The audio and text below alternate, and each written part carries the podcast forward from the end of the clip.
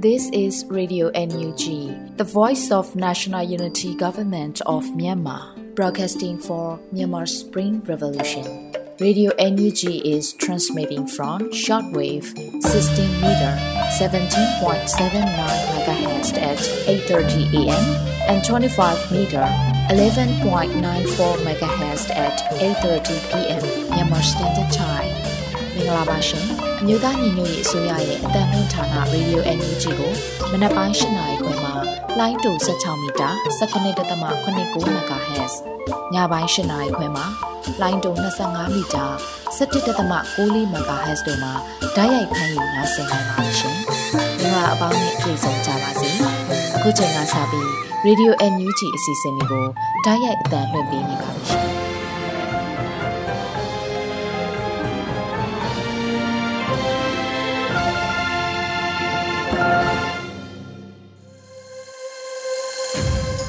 မြန်မာနိုင်ငံသူနိုင်ငံသားအပေါင်းတဘာဝပေးစစ်အာဏာရှင်ဘေးတို့ကနေကင်းဝေးပြီးကိုစိတ်နှပါကြားမလုံးချုံပေးကင်းကြပါစေလို့ရေဒီယို UNG အဖွဲ့သားများကဆုတောင်းမေတ္တာပို့သလိုက်ရပါတယ်ရှင်။အခုချိန်ကစပြီးရေဒီယို UNG ရဲ့နောက်ဆုံးရသတင်းများကို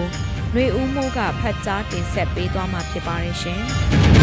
။မင်္ဂလာပါခင်ဗျာ။ Radio UNG ရဲ့ညအပိုင်းပြည်တွင်းသတင်းများကိုဖတ်ကြားတင်ပြပေးပါတော့မယ်ခင်ဗျာ။အေးသတင်းများကို ရေဒီယို NUG သတင်းတာဝန်ခံတွေနဲ့ခိုင်လုံသောမိဖက်သတင်းရင်းမြစ်များမှအခြေခံပြုစုထားခြင်းဖြစ်ပါတယ်ခင်ဗျာ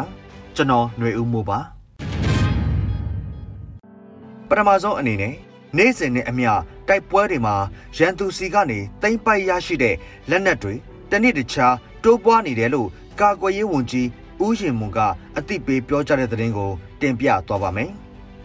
နေ့စဉ်နဲ့အမျှတိုက်ပွဲတွေမှာရန်သူစီကနေတိမ့်ပိုက်ရရှိတဲ့လက်နက်တွေတနည်းတခြားတိုးပွားနေတယ်လို့ဧပြီလအတွင်း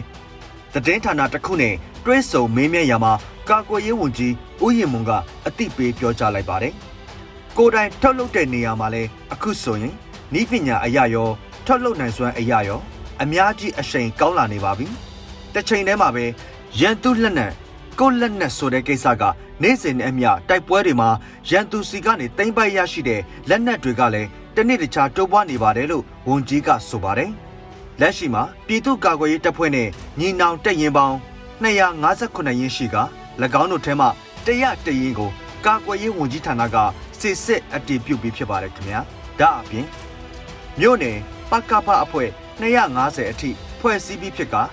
LDF နဲ့မြို့ပြပြောက်ကြားလူငယ်အဖွဲ့ 400တပ်ဖွဲ့မှာလည်း60ရာခိုင်နှုန်းမှာ MOD နဲ့ချိတ်ဆက်ဆောင်ရွက်နေပြီဖြစ်ပါတယ်ခင်ဗျာဆက်လက်ပြီးအခြေခံပညာပေးဆုံးကြောင်းစာမေးပွဲစစ်ဆေးဖို့အမျိုးသားညီညွတ်ရေးအစိုးရကပြင်ဆင်ဆောင်ရွက်နေတဲ့ဆိုတဲ့သတင်းကိုတင်ပြသွားပါမယ်အခြေခံပညာပြီးဆုံးကြောင်းစာမေးပွဲစစ်ဆေးဖို့အမျိုးသားညီညွတ်ရေးအစိုးရကပြင်ဆင်ဆောင်ရွက်နေတယ်လို့ပညာရေးဝန်ကြီးဌာနပြည်ထောင်စုဝန်ကြီးဒေါက်တာဇော်ဝေစိုးကပြောပါတယ်။ အမျိုးသားညီညွတ်ရေးအစိုးရကကျင်းပမဲ့အခြေခံပညာပြီးဆုံးကြောင်းစာမေးပွဲဟာအအောင်အရှုံးမရှိဘဲဖြေဆိုသည့်ဘာသာရပ်အလိုက်ရမှတ်များရရှိမှာဖြစ်တယ်လို့သိရပါတယ်။ဆရာတို့စာမေးပွဲကအအောင်အရှုံးရှိမှာမဟုတ်ဘူး။အဲ့ဒီဟာကအမှတ်ရမှာဖြစ်တယ်။အခုကအခြေခံပညာပြီးဆုံးကြောင်းစာမေးပွဲဖြေလိုက်ရင်ဘယ်သူဘယ်ဘာသာရပ်ကဘလောက်ရတယ်ဆိုတာထွက်လာမယ်။အောင်တယ်ရှုံးတယ်ဆိုတာမရှိဘူး။အဲ့ဒီရတဲ့အမှတ်ကိုမကြိုက်ရင် တစ်နှစ်အတွင်းပြန်ဖြေဖို့နှစ်ကြိမ်သုံးကြိမ်ပြန်ဖြေလို့ရအောင်အဲ့ဒီအတွက်လဲစီစဉ်နေတယ်လို့ပညာရေးဝန်ကြီးဒေါက်တာဇော်ဝေစိုးကထပ်မံဆိုပါတယ်ခင်ဗျာဆက်လက်ပြီးစစ်ကောင်စီရဲ့ပြောရေးဆိုခွင့်ရှိသူပြောစကားမှတ်ချက်အပေါ်ဗဇက်ကိုခဏခဏဆေးရန် NUG လူအခွင့်ရေးရာဝန်ကြီးကတုတ်ပြန်တဲ့သတင်းကိုတင်ပြသွားပါမယ်စစ်ကောင်စီရဲ့ပြောရေးဆိုခွင့်ရှိသူပြောစကားမှတ်ချက်အပေါ် ဗဇက်ကိုခဏခဏဆေးရန် NUG လူအခွင့်ရေးရာဝန်ကြီးဦးအောင်မျိုးမင်းကဧပြီ30ရက်နေ့မှာလူမှုကွန်ရက်ကနေသတင်းဌာနတစ်ခုရဲ့အင်တာဗျူးနဲ့အတူမှတ်ချက်ပေးရေးသားထားပါတယ်။ဧပြီ29ရက်နေ့နေပြည်တော်မှာကျင်းပတဲ့သတင်းစာရှင်းလင်းပွဲမှာစစ်ကောင်စီရဲ့ပြောရေးဆိုခွင့်ရှိသူဇော်မင်းထွန်းက NUG အစိုးရအားထောက်ခံရေးသားတဲ့မီဒီယာများကိုရုပ်ရင်းကြမ်းတက်တဲ့စကားလုံးနဲ့ခိုင်းနှိုင်းပြောဆိုခဲ့တာဖြစ်ပါတယ်။ အမျိုးသားညီညွတ်ရေးအစိုးရကိုမြည်မြပင်မုန်းစေကမူအဖွဲ့အစည်းတစ်ခုမှာပပြောရေးဆိုခွင့်ရှိသူတာဝန်ယူထားတဲ့သူတွေဟာလူသိက္ခာနဲ့အညီပြောဖို့လိုအပ်တယ်လို့ပြည်ထောင်စုဝန်ကြီးဦးအောင်မျိုးမင်းကဆိုခဲ့ပါတယ်ခင်ဗျာလက်ပြီးတော်လန်ရေးကာလမှာပဝန်းကျင်ထိမ့်သိမ့်ဖို့လိုအပ်မလားခေါင်းစဉ်ဖြစ်တရုတ်ဆောင်တောင်းနဲ့ CDM ပိုကြီးလင်းထက်အောင်တို့ဆွေးနွေးပွဲကျင်းပမဲ့တဲ့တင်ကိုတင်ပြသွားပါမယ်။အမျိုးသားညီညွတ်ရေးအစိုးရ တယံဇာတနဲ့တဘာဝပဝန်းကျင်ထိမ့်သိမ်းရေးဝန်ကြီးဌာနလစဉ်ဆွေးနွေးပွဲဖြစ်တဲ့တော်လန်ရေးကာလမှာပဝန်းကျင်ထိမ့်သိမ်းဖို့လိုအပ်မလားခေါင်းစဉ်ဖြစ်တဘာဝပဝန်းကျင်ကို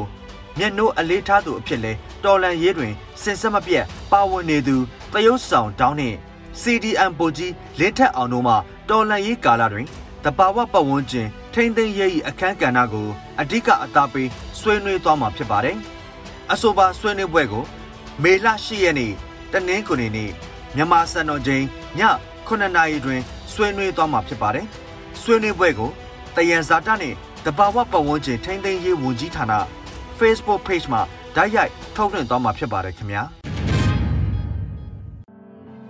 ဆက်လက်ပြီးမြိုင်မြို့နယ်တရက်ကံရွာရှိစစ်ကောင်စီစခန်းတိုက်ခိုက်ခံရကစစ်ကောင်စီတပ်သားအများအပြားတိတ်ဆုံးခဲ့ပါတယ်။ ဧပြီ29ရက်မနက်9:00နာရီအချိန်တွင်မြိုင်မြို့နယ်တောင်ပိုင်းတရက်ကံကျေးရွာ၌စစ်ကောင်စီတပ်နှင့်ပြူအင်အားတရာခန့်ဖြင့်အထိုင်ချထားသောစစ်ကောင်စီတပ်စခန်းကိုဝင်ရောက်တိုက်ခိုက်ခဲ့ဟုဝန်ပလွေပျောက်ကြားတပ်ဖွဲ့မြိုင်မှတည်င်းရရှိပါတယ်။စစ်တပ်နဲ့ပျောက်ကြားတပ်ဖွဲ့မှဦးဆောင်ပြီးဒေသခံတပ်ဖွဲ့တို့ပူးပေါင်းကလက်နက်ကြီးလက်နက်ငယ်များဖြင့်တိုက်ခိုက်ခဲ့တယ်လို့ဖော်ပြပါတယ်။တိုက်ပွဲတွင်စစ်ကောင်စီဘက်မှအယောက်90တိတ်ဆုံးက ကျက်တဲ့တပ်ဖွဲ့ဝင်2ဦးကြဆုံးခဲ့ပါတယ်ခင်ဗျာ။ဆက်လက်ပြီးစစ်အာဏာသိမ်းပြီးနောက်မြန်မာနိုင်ငံတွင်လူဦးရေ1.6တန်းဟာအလုတ်အကင်ဆုံးရှုံးပြီးအလုတ်လက်မဲ့ဖြစ်သွားခဲ့တယ်ဆိုတဲ့သတင်းကိုတင်ပြသွားပါမယ်။စစ်အာဏာသိမ်းပြီးနောက်မြန်မာနိုင်ငံတွင်လူဦးရေ1.6တန်းဟာအလုတ်အကင်ဆုံးရှုံးပြီးအလုတ်လက်မဲ့ဖြစ်သွားခဲ့တယ်လို့132ကြိမ်မြောက်အပြည်ပြည်ဆိုင်ရာအလုတ်သမားနေ့မေတေးအတွက်ထုတ်ပြန်ကြေညာချက်မှာ မြန်မာနိုင်ငံလုံးဆိုင်ရာအလုတ်သမားသမဂ္ဂများအဖွဲ့ချုပ် CTUM ကဖော်ပြထားပါတယ်။စစ်အာဏာသိမ်းပြီးနောက်ပိုင်းကျေးရွာများကိုမိရှုခံရခြင်း၊ပုံကျဲခံရခြင်း၊လေကြောင်းတိုက်ခတ်ခံရခြင်းများကြောင့်နေရက်စွန့်ခွာပြည်တွင်းရွှေ့ပြောင်းဒုက္ခသည်6သိန်း8000ရှိနေပြီးစစ်ဘေးအခြေအနေများကြောင့်လူသားချင်းစာနာထောက်ထားမှုအကူအညီစောင့်ရှောက်မှုလိုအပ်နေသည့်လူဦးရေ14တန်းခန့်ရှိနေပါတယ်။ဒါအပြင်စစ်ကောင်စီဟာအလုတ်သမားအဖွဲ့ချုပ်များ အလုတ်သမားရေးရာလှုပ်ရှားဆောင်ရွက်နေကြသည့်အဖွဲ့အစည်းများကို မတရားအသင်းကြေညာခြင်း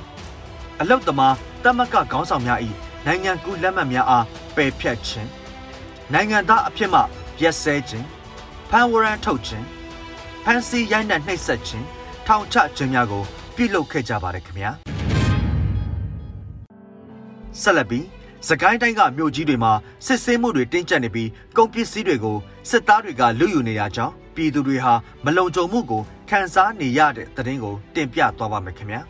စကိုင်းတိုင်းရဲ့မြို့တော်မုံရွာအပါဝင်မြို့ကြီးတွေမှာဈေးသွားဈေးလာတွေစီကကုန်ပစ္စည်းတွေကိုစစ်သားတွေကမထင်ရင်မထင်သလိုလူယူနေတယ်လို့ဒေတာခန်တွေကပြောပါတယ်ကုန်စည်နှုန်းတွေတက်ပြီးဝင်ငွေမရှိချိန်မှာပစ္စည်းတွေကိုလူယူခံရတာကြောင့်ပြည်သူတွေဟာလွတ်လွတ်လပ်လပ်မသွားရဲတော့ဘဲစိတ်မလုံခြုံမှုကိုခံစားနေရတယ်လို့ရင်းမာပင်ဒေတာခန်တယောက်ကအခုလိုပြောပါတယ် ကျွန်တော်တို့မော်ဝါမျိုးကိုအခြေပြုပြီးတော့ဒီဘက်ကနယ်မျိုးတွေကသွားနေတဲ့ခါမှာကျွန်တော်တို့ဈေးဝါဈေးသွားဈေးဈေးလာတွေကိုစစ်ကောင်စီအကြမ်းဖက်စခန်းနေနဲ့ကျွန်တော်နီးတဲ့နေရာမှာဆိုတော့လမ်းမတွေထက်မှာလက်နဲ့အကြောင်းပြပြီးတော့စစ်ဆေးမှုတွေပြုလုပ်တယ်ပြီးရင် သူတို့လိုတဲ့ပစ္စည်းတွေရှိရင်သူတို့ကချခိုင်းပြီးတော့မှလုပ်ယူတာတွေရှိတယ်ပြီးလို့ရှိရင်လွတ်လွတ်လပ်သွားလာကုန်မရှိဘူးပေါ့နော်ကိုကိုပြောရရင်သူတို့ရဲ့စကန်တွေနဲ့နီးတဲ့လမ်းမတွေတက်မှတက်ပြီးတော့မတင်ငါမတင်ငါသူတို့တပ်ဖို့တွေတိုက်စစ်စစ်ဖန်ဆီးတာတွေရှိတယ်ပြီးလို့ရှိရင်ဖုန်းတွေလူယူတာတွေရှိတယ်အခြားသော40တွေကပြည်သူတွေသုံးဖို့ပြန်ရောင်းတဲ့သူတွေရှိတယ်လို့ဒီလိုမျိုးဒီရေတံပူကအစားပေါ့နော်ပိုလီမိုတွေဆက်ပြကအစုံဒါမျိုးတွေကိုသူတို့လူယူတာတွေပေါ့နော်ဒါတွေကိုချထားခဲ့ပါဆိုတဲ့အနေအထားတွေကြုံတွေ့ရတယ်လမ်းသွားလမ်းလာအစား လုံခြုံမှုမရှိဘူးပေါ့ဗျာကျွန်တော်တို့တူတူတွေမှာဒီစားနေခါစားဒါမျိုးတွေကျွန်တော်တို့ဒီ data တော့ဟိုမျိုးကိုအမိပြောတဲ့နေမျိုးတွေအလုံးဟာဒီလိုအခြေအနေတွေတော့ဒီနေတဲ့တူကကြုံတွေ့နေရတယ်ဗျာဟုတ်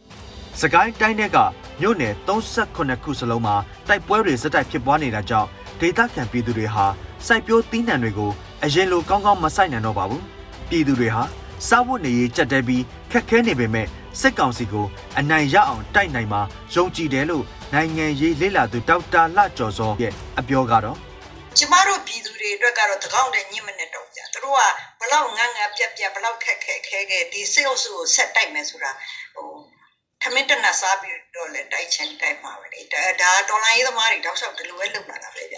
ကျမတို့လည်းမုံညင်းဟင်းပဲစားပြီးတော့နေလာကြတာပဲဖြတ်တန်းသွားလို့ရမှာပါစကိုင်းတိုင်းထဲမှာ အရင်ကငွေကျပ်3000တန်စံတအိတ်ဟာအခုငွေကျပ်9000ကျော်6000နီးပါးအထိဈေးတက်နေပြီးငွေကျပ်3000ကျော်4000ရှိခဲ့တဲ့ပဲစီတပိတ်တာဟာအခုငွေကျပ်8000အထိဈေးတက်နေပါတယ်ခင်ဗျာဆက်လက်ပြီးနောက်ဆုံးသတင်းတပုတ်အနေနဲ့သတင်းစာရှင်းလင်းပွဲမှာစစ်ဗိုလ်ချုပ်ဇော်မင်းထွန်းပြောဆိုခဲ့တဲ့အတိုင်းစကိုင်းတိုင်းမှာစစ်ကောင်စီကစစ်အရှိန်ပုံမြင့်လာတယ်ဆိုတဲ့သတင်းကိုတင်ပြပေးပါမယ်။ ဧပြီလ28ရက်နေ့ကပြုလုပ်ခဲ့တဲ့သတင်းစာရှင်းလင်းပွဲမှာစစ်ဗိုလ်ချုပ်ဇော်မင်းထွန်းကစစ်အရှိန်ပုံမြင့်မယ်ဆိုပြီးသူပြောခဲ့တယ်လို့ပဲယခုအင်အားအလုံးအရင်အသုံးပြုပြီးမုံရွာမန္တလေးမြင်းမူလမ်းနဲ့မုံရွာအမြင့်လမ်းပိုင်းတွေက PDF စခန်းတွေကိုတိုက်ခိုက်နေတယ်လို့စကိုင်းဒေတာခန်တယောက်ကပြောပါတယ်။ ကြီးတက်အနေနဲ့ပေါ့သူမြေပြင်မှာ မော်တော်ကားတော့၎င်း ခြေလျင်စစ်အားတော့၎င်းသူတို့ထိုးစစ်ဆင်နိုင်ဖို့ အားမရှိတဲ့အခါမှာသူတို့လက်တလော သူတို့အားကိုးတဲ့စနစ်က လေချောင်းစနစ်ပေါ့ လေချောင်းစနစ်နဲ့ သူတို့က လေချောင်းနဲ့တိုင်းရတဲ့စင်းက ကာပြစ်ပြစ်ပဲတဲ့နဲ့လိုအင်အားချမယ် ဒီပုံစံနဲ့ပဲ သူတို့ တိုးလို့ရတယ် တော်တော်များများစကိုင်းတိုင်းအတွင်းမှာကလွမြောက်နေမြေတစားတစားတဲ့ကျွန်တော်တို့တိုးချက်ယူလာတာတွေ့တယ်ကြီးရွာတွေမှာ ကိုပိုင်စီမံအုပ်ချုပ်ခွင့်နေပါတွေနဲ့ ပြင်ဆင်ထားပြီးတော့ လက်နဲ့ခင်ရန်ကိုတစားတစားနဲ့ ရှော့တိုက်တုံးတွေ တာဝေးဖြစ်တီတီထွန်းလာတယ်တွေ့တယ် အဲ့တော့သူတို့က မဖြစ်မနေ သူတို့တို့ကြာဆုံးငန်းကို မြင်လာတဲ့အခါမှာ အခုဖြစ်တဲ့ဆိုလက်ရှိယင်းနေ့မှာဆိုရင်လည်း ကျွန်တော်တို့သူတို့မနေ့တတိုင်းပိုင်းလက်က မုံဝါမန္တလေး မြင်းမှုလိုင်းပေါင်းနောက်နောက်ပြီးတော့ အရောပေါ့နော်ထီဆောင်တဲ့ ဆက်ဆက်လမ်းပိုင်းမှာရှိတဲ့ PDF စကန်တွေကိုဝန်စီးတာတွေရှိတယ် အလားတူပဲရက်တွေမှာအမြင်မုံဝါအမြင်လမ်းတစ်လျှောက်မှာ သူတို့နေမြေဆုံးမှုတာရှိတယ် နောက်ပြီးတော့အဲကျွန်တော်တို့ခင်ဦးရီဦးပက်တွေမှာလည်းရှိတယ် နောက်ပြီးတော့ဗလဲ အနောက်ဖက်မြမစားတဲ့ တမပင်ကွလေငေါလမ်းခွဲတွေမှာလည်း သူတို့ဖြစ်တယ် သူတို့ရဲ့ ဖြစ်စဉ်တိုင်းမှာ ကြည့်လိုက်ရင် သူပြိုင်ကိုယ်ပြိုင် ယှဉ်ပြိုင်တဲ့ ထိုးစစ်ဆင်မှုဘဲနဲ့ မဆီမဆိုင် ပတ်ဝန်းကျင် အပြစ်မဲ့ ပြည်သူတွေကို သတ်ဖြတ်၊ရွာတွေကို မီးရှို့တဲ့စနစ်ပဲ သုံးလာတာဖြစ်တဲ့အတွက် စစ်ကောင်စီဟာ သူတို့ကျဆုံးလို့ဆိုတာသိသိကြီးနဲ့ အကြောက်တရားရှိရှိနဲ့အေးသာကျဲနေပြီးတော့ လေသံသာဇော် မင်းလုံးတို့အုပ်စုက ဘယ်လောက်ပဲ သူတို့မီဒီယာတွေ သူတို့ရုပ်သံတွေကနေပြီးတော့ သတင်းစာရှင်းလင်းပွဲကနေပြီးတော့ ကြေညာ လက်ခမောင်းခတ်နေပါပါစေ။ကျနော်တို့တိုင်းရပြီးစစ်ခွေးသင်္ချိုင်းကတော့ စစ်ကိုင်းတိုင်းပဲ ဖြစ်ပါလိမ့်မယ်။ကျနော်တို့က အဆုံးသတ်တိုက်ပွဲဖြစ်ဖို့ ကြိုဆိုပါတယ်။စစ်ကိုင်းတိုင်းမှာ နိုင်ရဲစွာကြိုဆိုပါတယ်။။စကိုင်းတိုင်းနဲ့ချင်းပြည်နယ်မှာ PDF တွေအင်အားကြီးထွားလာတဲ့အတွက်စစ်ကောင်စီကအနော်ရထားစစ်စင်ရေးအမည်နဲ့အကြမ်းဖက်ထိန်းချုပ်ဖို့စစ်စင်ရေးအထူးအဖွဲ့မှုတွေအဖြစ်ဒုတိယဗိုလ်ချုပ်ကြီးတန်းလိုက်နဲ့ဒုတိယဗိုလ်ချုပ်ကြီးတေစာကျော်တို့ကို2021အောက်တိုဘာလမှာတာဝန်ပေးခဲ့ပါတယ်။ဒီအကြောင်းနဲ့ပတ်သက်ပြီးဘိုဇီရိုကအခုလိုပြောပြပါတယ်။ဒီချိန်တွေကတော့ကျွန်တော်တို့မနေ့ကလည်းဇော်မဲလုံးကနေပြီးတော့ဒီဘက်မှာတင်းတင်းကြပ်ကြပ်စီးရီးကိုကိုင်တွယ်မယ်လို့ကျွန်တော်တို့သတင်းလဲနားထောင်လိုက်ရတယ်ပေါ့နော် အဲ့တော့ဒီဘက်မှာလည်းများသောအားဖြင့်တော့သူတို့ကဝင်လိုက်စီးလိုက်ဝင်လိုက်စီးလိုက်နဲ့အဲ့လိုမျိုးတော့ကျွန်တော်တို့လုပ်နေတာလည်းတွေ့ရတယ်ကျွန်တော်တို့ဘက်ကလည်းဒီဘက်မှာအင်အားတွေကလည်းတပွဲတပြားမဟုတ်ဘဲနဲ့အားလုံးစုမိနေတဲ့အတွက်ကျွန်တော်တို့ကလည်းအရန်နဲ့အားလုံးဖြစ်နေပါတယ်သူတို့လာရင်လည်းလာသလိုအရင်တော့ပုံစံမျိုးကျွန်တော်တို့လက်မခံတော့ဘူးကျွန်တော်တို့ရှိတဲ့နေရာမှာတက်ပွဲအားလုံးပေါ့နော်ရောက်တဲ့နေရာမှာပေါ့ကျွန်တော်တို့ကမိုဘိုင်းဆိုရောက်တဲ့နေရာမှာကြားတာနဲ့ချမှာပဲအားလုံးကလည်းတင်းကြီးတွေတည်းတည်းဖြစ်နေပြီတခိုင်းတိုင်းအားလုံးကလည်းလာတဲ့နေရာမှာတုတ်ဖို့သူကလည်းဘယ်လောက်အချိန်မြင့်မြင့်ကျွန်တော်တို့ဘက်ကလည်းပုံမပြင်းထန်တဲ့အချိန်နဲ့တိုက်ခိုက်ဖို့ကျွန်တော်တို့လုပ်နေကြပါပြီ စစ်ကောင်စီရဲ့အုပ်ချုပ်ရေးရန်နေရအလုံးပြက်လူနီးပါဖြစ်နေပြီး PDF တွေကစစ်ရေးအရာအသာစီးရနေတယ်ဆိုပေမဲ့စစ်ကောင်စီရဲ့အဖက်ဖက်ကဖိအားပေးမှုတွေကြောင့်ဒေသတွင်ပြည်သူတွေဟာစားဝတ်နေရေးကြက်တဲနေကြပါတယ်ခင်ဗျာ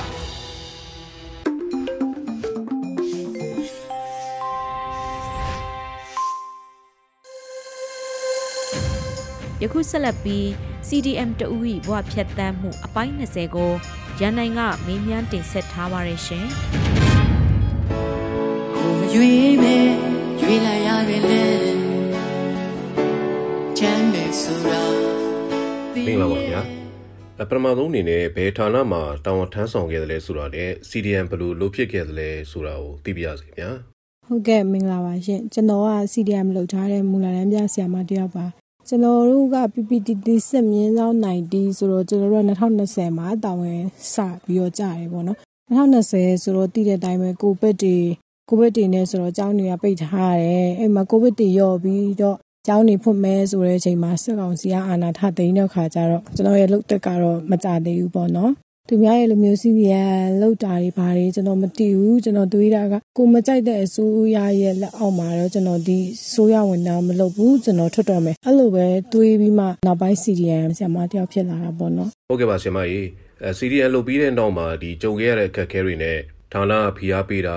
အဲချင်းချောက်တာမျိုးတွေရောကြုံခဲ့ရပါသလားခင်ဗျာ ကျွန်တော် CDM စလုပ်တဲ့အချိန်မှာကျွန်တော်ထင်ထားတာကကျွန်တော်ကျူရှင်နေပြမယ်ပြီးတော့ကိုယ်ပိုင်ကျောင်းဖွင့်မယ်ကိုကဖွင့်နိုင်မှုဆိုရင်တောင်မှနော်ကိုယ်ပိုင်ကျောင်းနေမှာလိုက်ပြီးတော့စာတင်မယ်အဲ့လိုမျိုးတွေးထားခဲ့ရပါတော့နော်တကယ်တမ်း CDM လုပ်လိုက်တော့ခါကျကိုထင်တာတွေကတလွဲဖြစ်နေတာကိုလုပ်ချင်တာတွေဘာမှလုပ်ခွင့်မရှိဘူးကျူရှင်အိမ်မှာတင်မယ်ဆိုတော့လဲစိတ်ကမလုံဘူးလေစာတင်နေတဲ့အချိန်သူတို့ကလာဖမ်းလို့ရှိရင် ကလေးတွေရဲ့ရှေ့မှာကိုဖမ်းခံလိုက်ရလို့ရှိရင်သူတို့မျက်စိရှိတယ်မဲဆရာမကဒီလိုဖမ်းခေါ်သွားတယ်ဆိုသူတို့စိတ်ထဲမှာလည်းအနာတရားဖြစ်သွားမှလည်းစိုးတာရောပြီးတော့ကလေးတွေရဲ့အန်နေကိုလည်းစိုးရိမ်တာရောအကြောင်းနဲ့ကျူရှင်လည်းမဖွင့်ဖြစ်ခဲ့ဘူးကိုပိုင်ကျောင်းဆိုတာလည်းလေကိုကတင်မယ်လို့စိတ်ကူးပေမဲ့စက်ကောင်စီဘက်က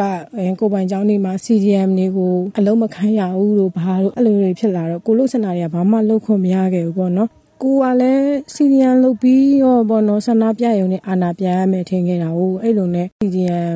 လုပ်ပြီးမှကြာလာတော့ခါကြတော့လုံခြုံရေးရအိမ်မှာနေလို့မရတာတွေဘာတွေအဲ့လိုမျိုးတွေခက်ခဲတာပေါ့နော်ဌာနဖိအားပေးတာတွေဘာတွေကမရှိဘူးရုံးကနေပြီးတော့နှစ်ကြိမ်ပဲဖုံးဆက်ဘူးတယ်စီဒီယန်လုပ်ပြီးတော့လေပထမတစ်ခါဖုံးဆက်တဲ့အချိန်ကသူတို့ကလာစာစဖြတ်မဲ့အချိန်စီဒီယန်ဝန်ထမ်းတွေကိုလာစာစဖြတ်တော့မယ်ဘယ်လိုလုပ်မလဲတမိတေချာစဉ်းစားပါဦးတမိဆုံးဖြတ်ချက်ခိုင်မာပြီလားပေါ့နော်နာတော့ချသေးတယ်ဆရာတယောက်ကဒါပေမဲ့ကျွန်တော်ကဟိုဖြတ်လိုက်ပါဆရာကျွန်တော် CDM ပဲလုပ်မယ်ဆိုပြီးတော့ဖုန်းချထားလိုက်တယ်သူတို့ဘာမှဆက်မပြောဘောနော်နောက်တစ်ချိန်စက်ကောင်စီကကျောင်းနေဖွင့်ခိုင်းတဲ့အချိန်မှာဖုန်းဆက်တယ်သူတို့ဖုန်းဆက်ပြီးတော့ကျောင်းနေဖွင့်နေပြီဆရာမကျောင်းမလာဘူးလားတဲ့အဲ့လိုပြောခဲ့ကြဟုတ်ကဲ့မလာပါဘူးရှင်လို့ပဲပြောရဲအော်ဟုတ်ပါပြီတဲ့သူတို့အဲ့လိုပဲပြောရေးဖုန်းချတော့အဲ့လိုမျိုးဖိအားတွေတော့မရှိခဲ့ဘူးရှင်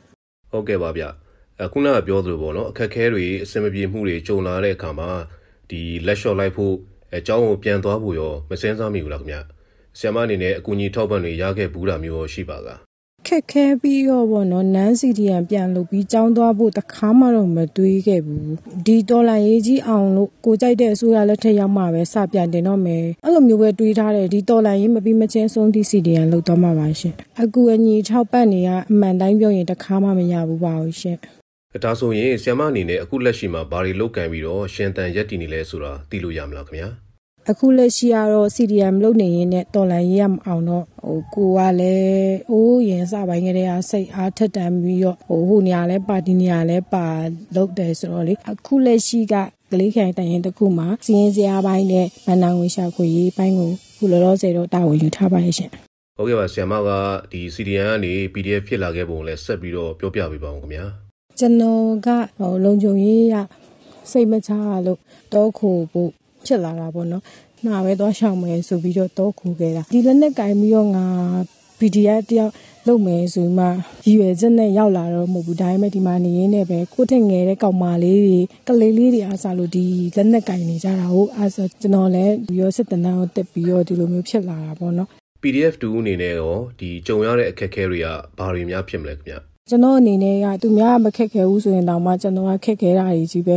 မဖြစ်လို့လဲဆိုတော့ကျွန်တော်ကစိတ်ကမာတင်အောင်နဲ့ပြော့တဲ့လူအိမ်မှာဆိုလို့ရှိရင်ကြတော့တောက်ရောသမီးဆိုလေအိမ်ကအလိုလိုက်ပြီးရောဆရာမဖြစ်ဒီဒီမျက်နာလေးတစ်ချက်တောင်မှအညို့မခံခဲ့ဘူးလေအဲဒီတဲကိုရောက်လာတော့အိမ်မှာနေရတဲ့တခြားစီပဲလေ ဒီမှာဆိုလို့ရှိရင်မိုးကောင်မိုးပြီးတော့နေရတယ်ဝါကြမ်းခင်းနဲ့နေရတယ်မိုးရလို့ရှိရင်မိုးရီယိုတယ်ငွေရည်ဆိုရင်ပူတယ်ဆောင်းရည်ဆိုရင်အေးတယ်သမင်းဟင်းဆိုလို့ရှိရင်လည်းလူရှင်မရှိဘူးဆိုလို့ရှိရင်အသားဟင်းမပါဘူးအလူရှင်ရှိရဲဆိုတော့အသားဟင်းနဲ့စားရတယ် ပြီးတော့ကျွန်တော်ကထမင်းအပြော့လုံးဝမကြိုက်ဘူးအိမ်မှာဆိုထမင်းအပြော့ဆိုလို့ရှိရင်လုံးဝမစားတဲ့သူဒါပေမဲ့ဒီကိုရောက်တော့ထမင်းအပြော့ဆိုလဲစားရတာပဲထမင်းကမကောင်းဘူးဆိုလဲစားရတာပဲသူသူနေလဲစားရတာပဲအဲ့လိုမျိုးတွေနေရင်းနေရင်းနဲ့ပဲခက်ခဲဆိုတာတွေကအခက်ခဲလို့လည်းမတွေးမိတော့ပါဘူးစားတော့ကဘလို့ပဲစားရစားရကျွန်တော်တို့ကမခက်ခဲဘူးဟိုနေရတာလည်းဘလို့ပဲနေရနေရကျွန်တော်တို့အနေနဲ့ခက်ခဲတာလက်နက်ခဲရန်ကိစ္စပဲခက်ခဲတယ်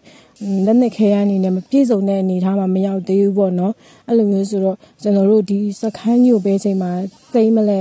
စိတ်ပူရတယ်လေပြီးတော့ကလေးတွေအနေနဲ့လည်းကြည်မလောက်လို့ကျွန်တော်တို့စုတ်ခဲ့ရတာတို့ဘာတို့အဲ့လိုမျိုးတွေရှိရဲပေါ့နော်အဲ့ဆိုကျွန်တော်တို့အနေနဲ့ခက်ခဲကတော့အဲ့လက်နက်ခဲရန်ခက်ခဲပဲရှိပါတယ်ကျန်တာကတော့ဘလို့နေရနေရစားစားအခက်အခဲတော့မရှိပါဘူးဆ iam အနေနဲ့ရင်ဖွင့်ပြောပြလို့ရမယ်ဆိုရင်ဘာတွေပြောချင်ပါလဲ ရင်ဖွင့်စင်တာတွေကတော့အများကြီးပဲကျွန်တော်အိမ်ကိုပြန်ခြင်းနဲ့အိမ်မှာလွတ်လွတ်လပ်လပ်နဲ့ပြန်နေခြင်းနဲ့မမေကိုလည်းလွမ်းတယ်ပြီးတော့စာပြန်တင်ခြင်းနဲ့ကျောင်းဆရာမဘွားကိုလွမ်းတယ်ဒီဒေါ်လာရေးကြီးကိုမြန်မြန်ပြီးခြင်းနဲ့ကျွန်တော်တို့ကလေးနေမှာကျတော့လေတိုက်ပွဲတွေကစိတ်တော့တိုက်ပွဲတွေသွားလို့ရှိရင်ကြီးတွေအများကြီးကုန်တယ်တစ်ခါတစ်ခါကိုယ့်ဘက်ကနေပြီးတော့အားတာနေတယ်ဒါပေမဲ့ကြီးကုန်သွားလို့ပြန်ဆုတ်လာရတာတွေပြီးတော့လက်နက်အင်အားမမျှတာတွေမြင်နေရတာလေကျွန်တော်တို့ကမြင်နေရတော့လက်နက်အင်အားပြည့်ပြည့်စုံစုံနဲ့ မြန်မြန်တိုက်ပြီးတော့မြန်မြန်အောင်ပွဲရဖို့ပြည်သူတွေကိုပဲလှူပါကူကြပါလို့အပူကတ်ချင်ပါတယ်ရှင်နောက်ဆုံးမိကုန်းအနေနဲ့ကတော့ CDN တူဒါမှမဟုတ်ဒီ PDF ရဲမေတူအနေနဲ့ဒီပြည်သူတွေကိုဘာများပြောချင်ပါလဲနောက်ပြီးတော့ဒီအခု interview ကနေပြီးတော့ဆီယမိုင်းမိဘတွေကကြားနေမယ်ဆိုရင်သူတို့ကိုရောဘာပြောချင်ပါလဲခင်ဗျာ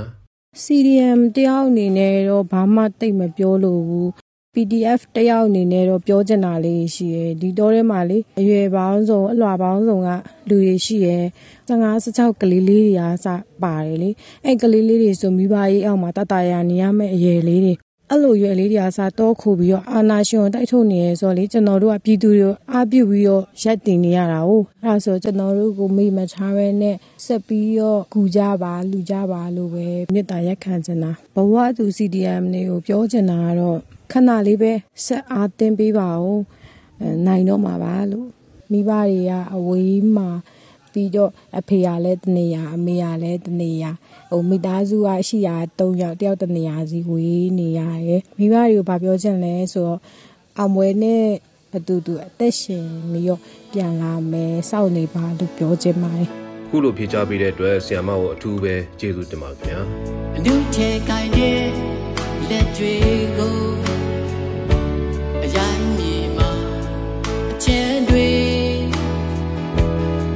цієї.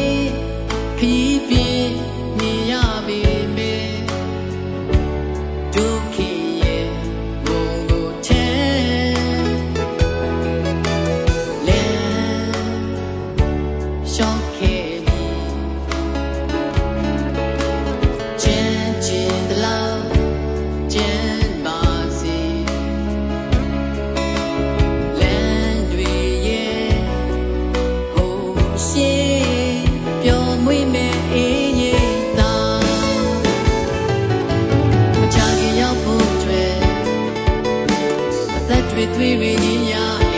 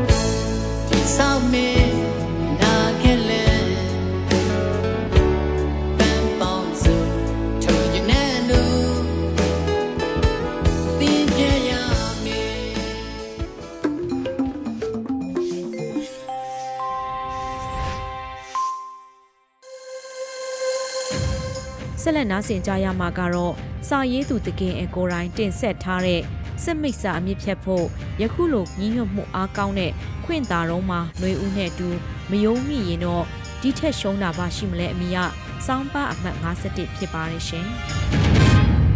ယခုလိုနှွေဦးတော်လှန်ရေးကြီးအရှိန်မြင့်လာချိန်ပါမိမိတို့ပြည်သူတွေကိုဒီတခါတော့လေရီဆရာတော်ဖျားကြီးရေးဖွဲ့ခဲ့တဲ့ခွင့်သာခိုက်ကမှမလိုက်ချင်လျင် အမိုက်နှင့်ပြီရှိသေးလေလိမ့်လားခွင့်သာဆဲမှမခဲခြင်းလေအလွဲနှင့်ပြီရှိသေးလေလိမ့်လားခွင့်သာတော့မှမယုံခြင်းလေအရှုံးနှင့်ပြီရှိသေးလေလိမ့်လားဆိုတဲ့ခွင့်သာကိုက်မှမလိုက်ချင်လေတီးတဲ့ကြပြာကို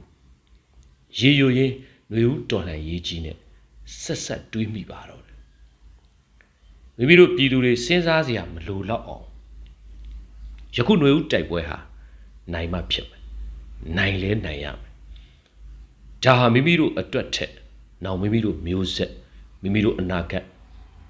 မိမိတို့နိုင်ငံတော်အတွက်တခုတည်းသောလွတ်မြောက်ရာလမ်းပါပဲ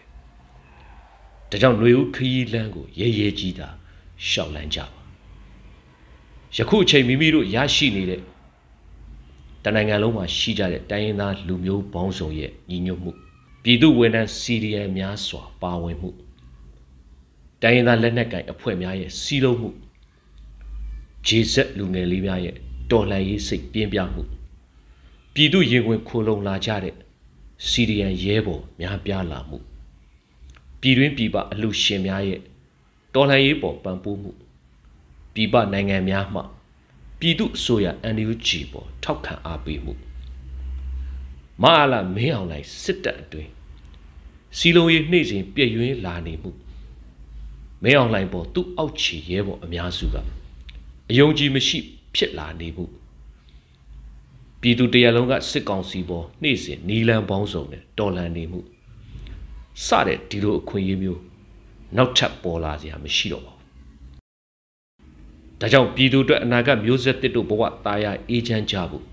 ဒီအခွင့်အရေးတွေကိုကောင်းကောင်းအသုံးချပြီးຫນွေဦးအောင်ပွဲကို ပါဝင်ဆင်နွှဲကြဖို့အချိန်ကာကောင်းဆိုတာပြည်သူအလုံးကိုအသိပေးပါရစေ